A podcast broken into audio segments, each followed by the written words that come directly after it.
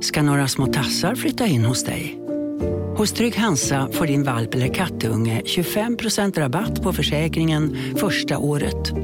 Läs mer och teckna djurförsäkringen på trygghansa.se. Trygg Hansa, trygghet för livet. Välkommen till Maccafé på utvalda McDonalds restauranger med Baristakaffe till rimligt pris. Vad sägs om en latte eller cappuccino för bara 35 kronor? Alltid gjorda av våra utbildade baristor. Hej, Susanne Axel här. När du gör som jag och listar dig på en av Krys vårdcentraler får du en fast läkarkontakt som kan din sjukdomshistoria. Du får träffa erfarna specialister, tillgång till lättakuten och så kan du chatta med vårdpersonalen. Så gör ditt viktigaste val idag, lista dig hos Kry.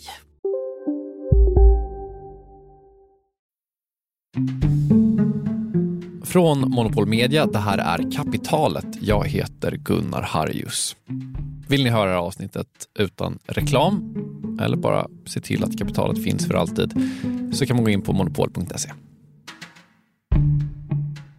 Att koka ner det här till något som intresserar folk är, är en utmaning. Det, Ja, men- det är liksom... Ja, men jag tänker att folk är ju generellt intresserade av, alltså är det någonting jag har lärt mig att jobba med det här i sju år eller någonting så är det att eh, det räcker med att säga ordet bostadsmarknaden.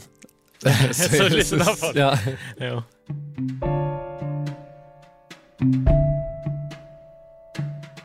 I slutändan handlar allt om hus. Journalisten Christopher Bonanos, som mest skriver om konst och kultur i New York, har sagt att “every story is a real estate story”. Oavsett om det handlar om varför en tavla ser ut som den gör, varför en fest blev som den blev eller varför ett brott skedde på det sätt som det skedde så kan man, om man anstränger sig nog, förklara det med varför ett hus ligger där det ligger och kostar vad det kostar. Kanske är det här aningen överdrivet, men det är helt ärligt inte det sjukaste man har hört.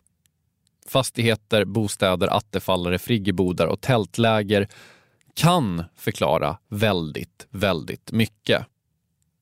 Och när det kommer till ekonomi så kan det förklara ännu mer. Dessutom är det intressant för att alla behöver någonstans att bo. Så det kanske inte är så konstigt att vi svenskar har varit besatta av bostadsmarknaden. Jag vet att det här är ett Stockholmsfenomen att prata om bostadsmarknaden lite mer än vad det är ett Sverigefenomen. Och visst, jag är från Stockholm. Men jag vägrar att tro att det här inte är ett fenomen på andra ställen i landet också.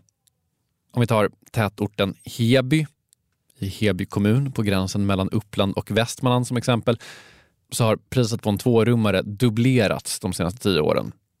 Ligger man på ytterligare några år så har priset tiodubblats. Det är klart att det är intressant. Det är klart att det är någonting man pratar om i Heby. Och när vi pratar om bostadsmarknaden så är det ju de här sakerna vi pratar om. Vad har hänt med den och vad kommer att hända med den? Vad händer med bostäderna vi äger? Vad vi ganska sällan pratar om däremot, det är vad händer med oss när vi äger en bostad? Alltså, hur förändras vi av att äga en bostad jämfört med att inte äga en?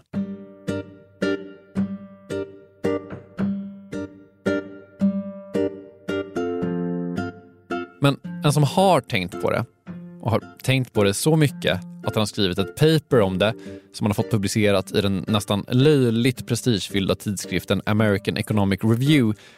Det är Roine Westman. Docent vid Stockholms universitet. Vill något ämne eller bara i största allmänhet? Docent i nationalekonomi. Roine har varit med i Kapitalet förut och förklarat varför vi svenskar är extra räntekänsliga. Spoiler alert, it's a real estate story. Och han har nu då tittat på vad som händer med människor när de köper bostäder. Hur börjar de bete sig? Hur fortsätter de att bete sig? Och så vidare. Specifikt, hur förändras deras konsumtion?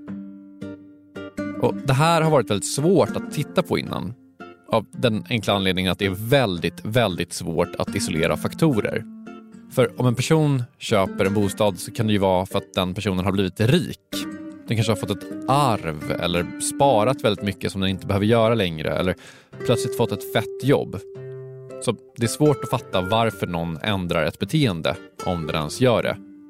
Dessutom så har vi då inte registerdata på alla svenska köpbeteenden på det sättet så att även den delen är svår.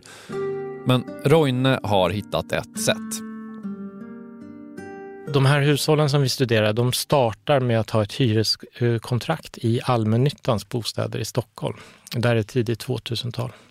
Och sen kan man se det som att vissa slumpmässigt kommer att lyckas genomföra en ombildning till bostadsrätt eh, och bilda en bostadsrättsförening.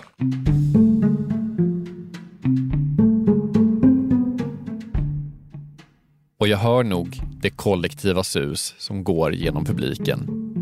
Det är alltså inte vilka bostadsägare som helst som Roine har tittat på. Utan det är personer som äger sitt boende efter att deras hyresrätt ombildats till bostadsrätt.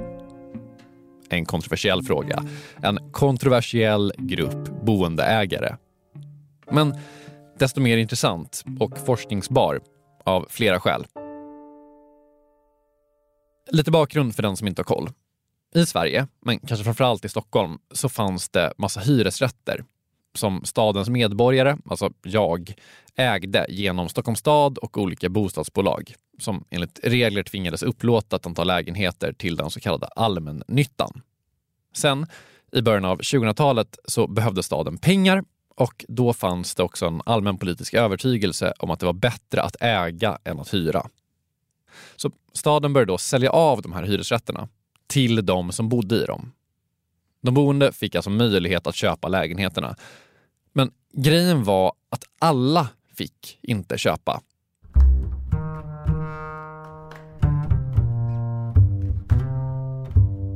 Dels var en viss procentandel av föreningen tvungen att rösta för förslaget om ombildning till bostadsrätt.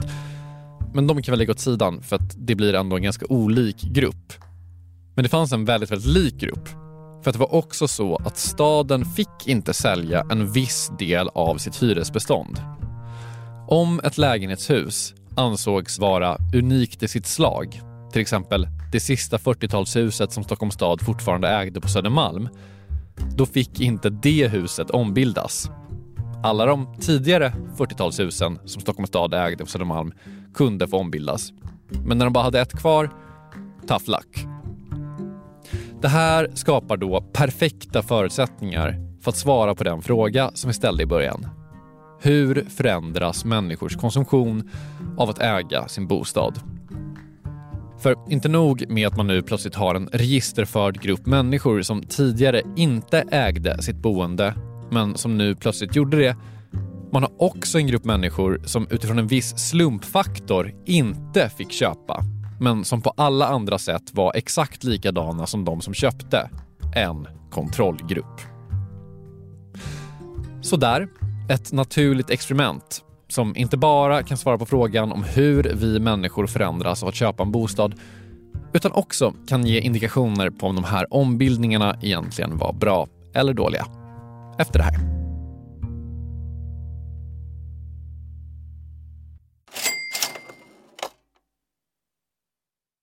Kapitalet sponsras av SPP och Storebrand Asset Management. Eh, Storebrand och SPP hör ju ihop sedan många år och utan att gå in på några detaljer här och nu så kan vi i alla fall säga att eh, Storebrand förvaltar över 1200 miljarder kronor, bland annat åt just SPP.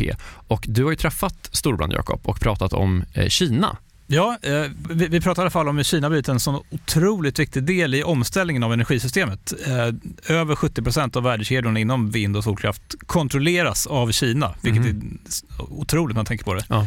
Och Det handlar om att Kina väldigt tidigt insåg att energi är makt och att man genom sol och vindkraft kan göra sig typ fri från att importera olja och gas och sånt. Then if you think that tomorrow or today's you know power base is going to in a large part be about renewables, then obviously having a stranglehold on those renewables and all the technologies that go into it is going to be part and parcel of that power play.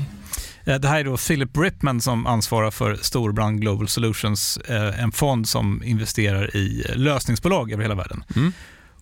Och hela det här avsnittet om Kina och geopolitiken som nu liksom är invävd i den globala omställningen, eh, den släpper vi som en bonus här i kapitalet nu i veckan. Ja, och mer information om storbrand kommer vi få i kommande avsnitt och eh, man hittar också förstås mer om man vill ha det här och nu på storebrand.se. Vi säger stort tack till SPP och Storbrand. Tack!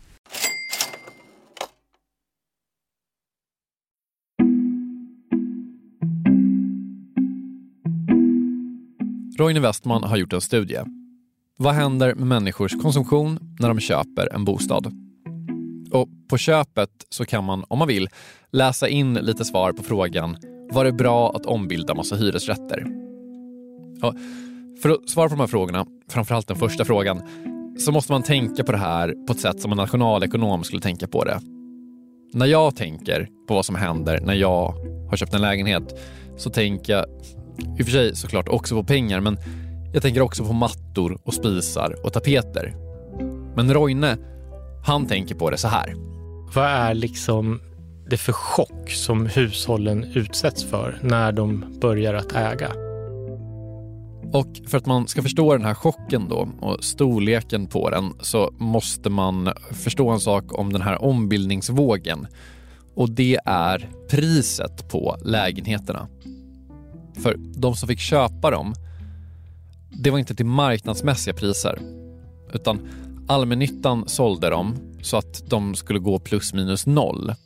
Vilket gav effekten att de sålde till ungefär halva priset jämfört med vad lägenheterna skulle kosta på andrahandsmarknaden. Det vi kallar för bostadsmarknaden. Och Det här får då effekter när man tittar på vad som händer med folk på det sättet som Roine tittar på det den här chocken som bostadsköpare får. Balansräkningen för hushållet växer ju då. Man får en, en fastighet på tillgångssidan och i genomsnitt då så ökar balansomslutningen för hushållet med 700 000. Och på skuldsidan så tar man ju upp ett bolån då för en viss andel av det här. Och det är här prissättningen kommer in. Eh, så eh, det är inte så att bolånen behöver bli lika stora som marknadsvärdet för den här lägenheten på andrahandsmarknaden, det vill säga på bostadsrättsmarknaden. Så tittar man på balansräkningschocken, tillgångssidan ökade i snitt med 700 000. Det var snittvärdet på andrahandsmarknaden på bostäderna. Och lånen, alltså skuldsidan av en balansräkning, ökade med 350 000. Med andra ord, de som köpte en ombildad lägenhet ökade sin förmögenhet med 350 000 kronor. Men riktigt så enkelt är det ändå inte. Då så kan man ju tänka på flera sätt. Hur stor förändring är egentligen det här? För hushållen hade ju redan en implicit tillgång som var hyreskontraktet. Antagligen är förmögenhetseffekten faktiskt mindre än 350 000. Hur mycket mindre är svårt att bedöma. Det finns modeller för det här. Roine suckade när jag frågade om dem. Men jag personligen tror också att folk kanske inte riktigt tänker på det här sättet. Att ens hyreskontrakt hade ett värde på det sättet som en bostadsrätt har ett värde. För att det är ett värde som inte går att realisera på en marknad på det sättet. I alla fall inte på en laglig marknad. Men oavsett hur mycket rikare de teoretiskt blir så finns det ju ett livslevande exempel på hur mycket rikare de faktiskt blir. Eller i alla fall hur mycket rikare de känner sig. I genomsnitt så ökar konsumtionen med 30 000 per år. Okej. Okay. Så det, det, är rätt mycket. Det är uh, uppemot 18-19 procent.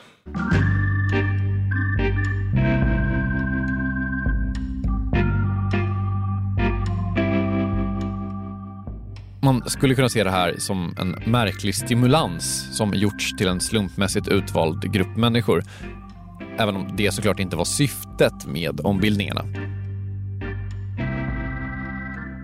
Det vi ser och det som är intressant i någon slags eh, vetenskaplig mening, det är ju liksom mönstret. Vilka är det som ökar sin konsumtion mest?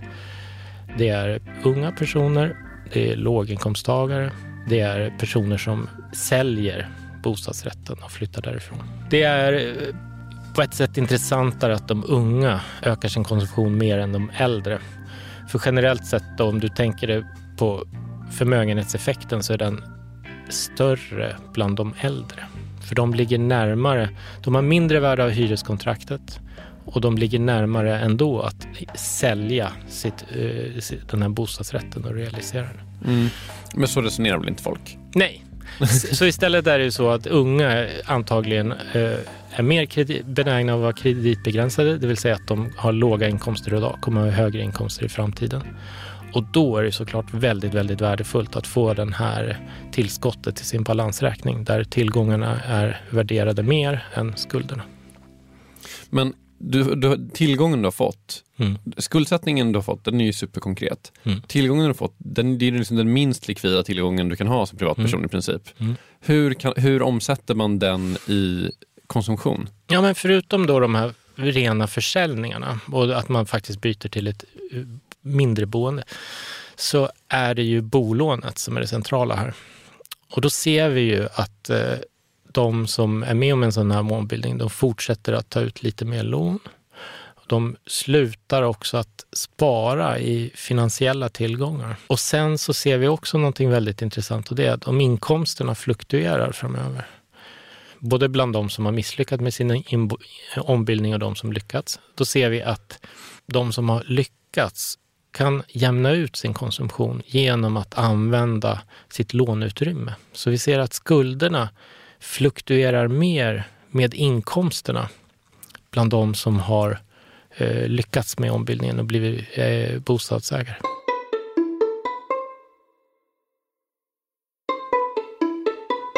Så för att summera, folk som fick köpa sitt boende till ett extremt förmånligt pris kunde öka sin konsumtion och de kunde också använda den här nyfunna förmögenheten till att eh, jämna ut sin konsumtion genom att eh, göra det som så kallade sparekonomer alltid varnar för. Alltså låna till konsumtion. Temporärt i alla fall, när det går dåligt. Och Det här är ju superintressant, även om man kanske inte smäller av av hur otroligt överraskande resultaten är. Människor som genomgår chocken köpa bostad till ett extremt bra pris kommer ha det rätt bra. Och Det här är ju en del av kritiken mot de här ombildningarna de föll ganska slumpmässigt och folk blev märkligt rika på fenomenet råka bo i en lägenhet som ombildas. Det var inte den enda kritiken ska sägas. Det finns ju någonting oåterkalleligt i ombildningarna. Staden kan ju inte riktigt köpa tillbaka dem. Roine vill inte riktigt ta ställning i frågan om det var ideologiskt rätt att göra det här. Men han menar att det finns en ganska konkret, vad ska man säga, räknemässig sak som man kan säga om det här. Jag tycker det finns ett tydligt mönster här av att eh, prissättningen var fel.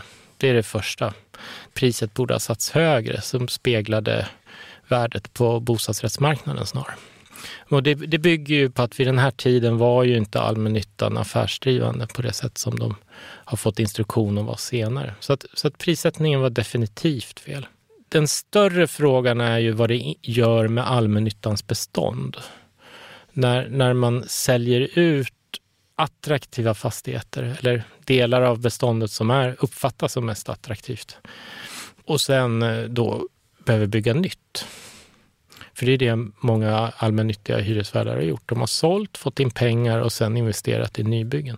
Så att det blir ju en förskjutning i beståndet hos allmännyttan som jag tror många uppfattar som negativ. Just det, så att man har de här äh, vita liksom, eh, klossarna med, med eh, sånt grå plåt har de alltid i eh, entrén. Som, och så står de vid någon pendeltågstation i Årsta, tycker de jämt står. Mm.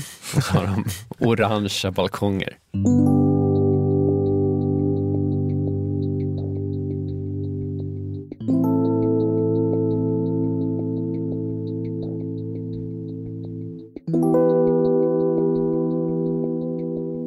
på slutet kanske skiner igenom lite vad just jag tycker om exakt de där husen.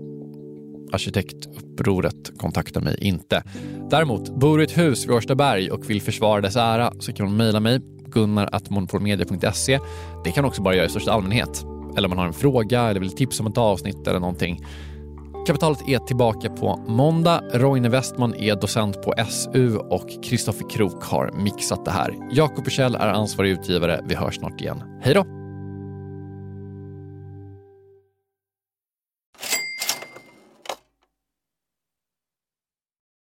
Jakob, vi har ett samarbete med Pareto Business School och det här är jag rejält nyfiken på. För Ja. att eh, eh, så här, vi jobbar ju sida vid sida, bokstavligen, sitter bredvid varandra och då och då så håller du upp ett finger och säger nu måste du vara tyst i en timme för nu ska jag eh, göra något Pareto. Exakt. Ja. Eh, Jag gillar ju att lära mig nya saker, det gör ju många journalister. Eh, Så den här våren går jag då en åtta veckor lång så kallad mini-MBA. Eh, Alltså jag hade gärna gått en riktig MBA också, men, men ja, jag har inte tiden det kräver och och framförallt ingen arbetsgivare som vill betala 800 000 för att låta mig göra det. Nej, eller kanske du har, du är ju arbetsgivaren. Ja, snål, snål arbetsgivare. Mm. Eh, det- Det är då Jens Bäckbom och Mattias Eklöf, två svenska entreprenörer som har skapat den här utbildningen just eftersom det finns ett gigantiskt hål mellan typ YouTube-filmer och en, en riktig MBA. Ja, och det här är då Pareto. Exakt, Ja. Pareto MBA. Eh, Paretos utbildning kostar cirka 25 000 kronor och, och under åtta veckor så lär man sig jättepraktiska och tillämpbara modeller för hur man startar, skalar upp, driver och säljer bolag. Eh, Jens och Mattias eh, de håller själva i många av föreläsningarna. De är garvade entreprenörer båda två. Mm. Och har man så olika gästföreläsare som kom in. Mm. Typ någon kille som, som eh, var expansionschef på Spotify, någon som körde marknadsföring på Revolut, eh, en kille som driver Sveriges största campingkedja, Mm. som har varit med i kapitalet faktiskt, Okej. Johan Sör. Ja. Ja, just det. Också varit en helt otrolig svensk eh, entreprenör som byggt massor med grejer i Vietnam. Alltså makalösa berättelser. Ja, wow. Eh, Så den här kursen består av en blandning förinspelade moment och seminarier, men man går också i då så här kohorter tillsammans med andra deltagare från Sverige och utlandet. Jättenyttigt, eh, tidseffektivt och funkar jättebra för, för den som vill driva egen verksamhet som, som typ vi gör här. Eller om man typ driver projekt och affärer i större bolag. Wow. Om man är taggad på att eh, bli en del av den här, liksom, vad ska man säga, Jakob skolan om man vill bli som dig, lära sig lika mycket som, som du har lärt dig, vad, Ja. vad gör man då? Eh, Nästa kursstart är 5 april. Så vill man ta ett kliv framåt i sin utveckling eller karriären eller så, gå då till arbetsgivaren och kolla om du inte kan gå den här utbildningen. Priset ligger alltså på 2500 euro, men ni får 10% rabatt om ni anger Monopol Media som referens när ni eh, gör er anmälan. Mm. Eh, Man kan också gå in på paretoschool.com för att eh, läsa mer och ja, se lite smakprover från själva utbildningen. Då. Mm. Så att eh, man sparar jättemycket pengar i för att gå Handels MBA och man sparar ytterligare pengar om man tar del av eh, Monopol Media-erbjudandet. Ja, exakt. Ja, en no-brainer som vanligt, Plus att man blir ju eh, alumnkollega med mig då. verkligen. Så stort, stort tack till eh, Pareto Business School och eh, gå in på paretoschool.com.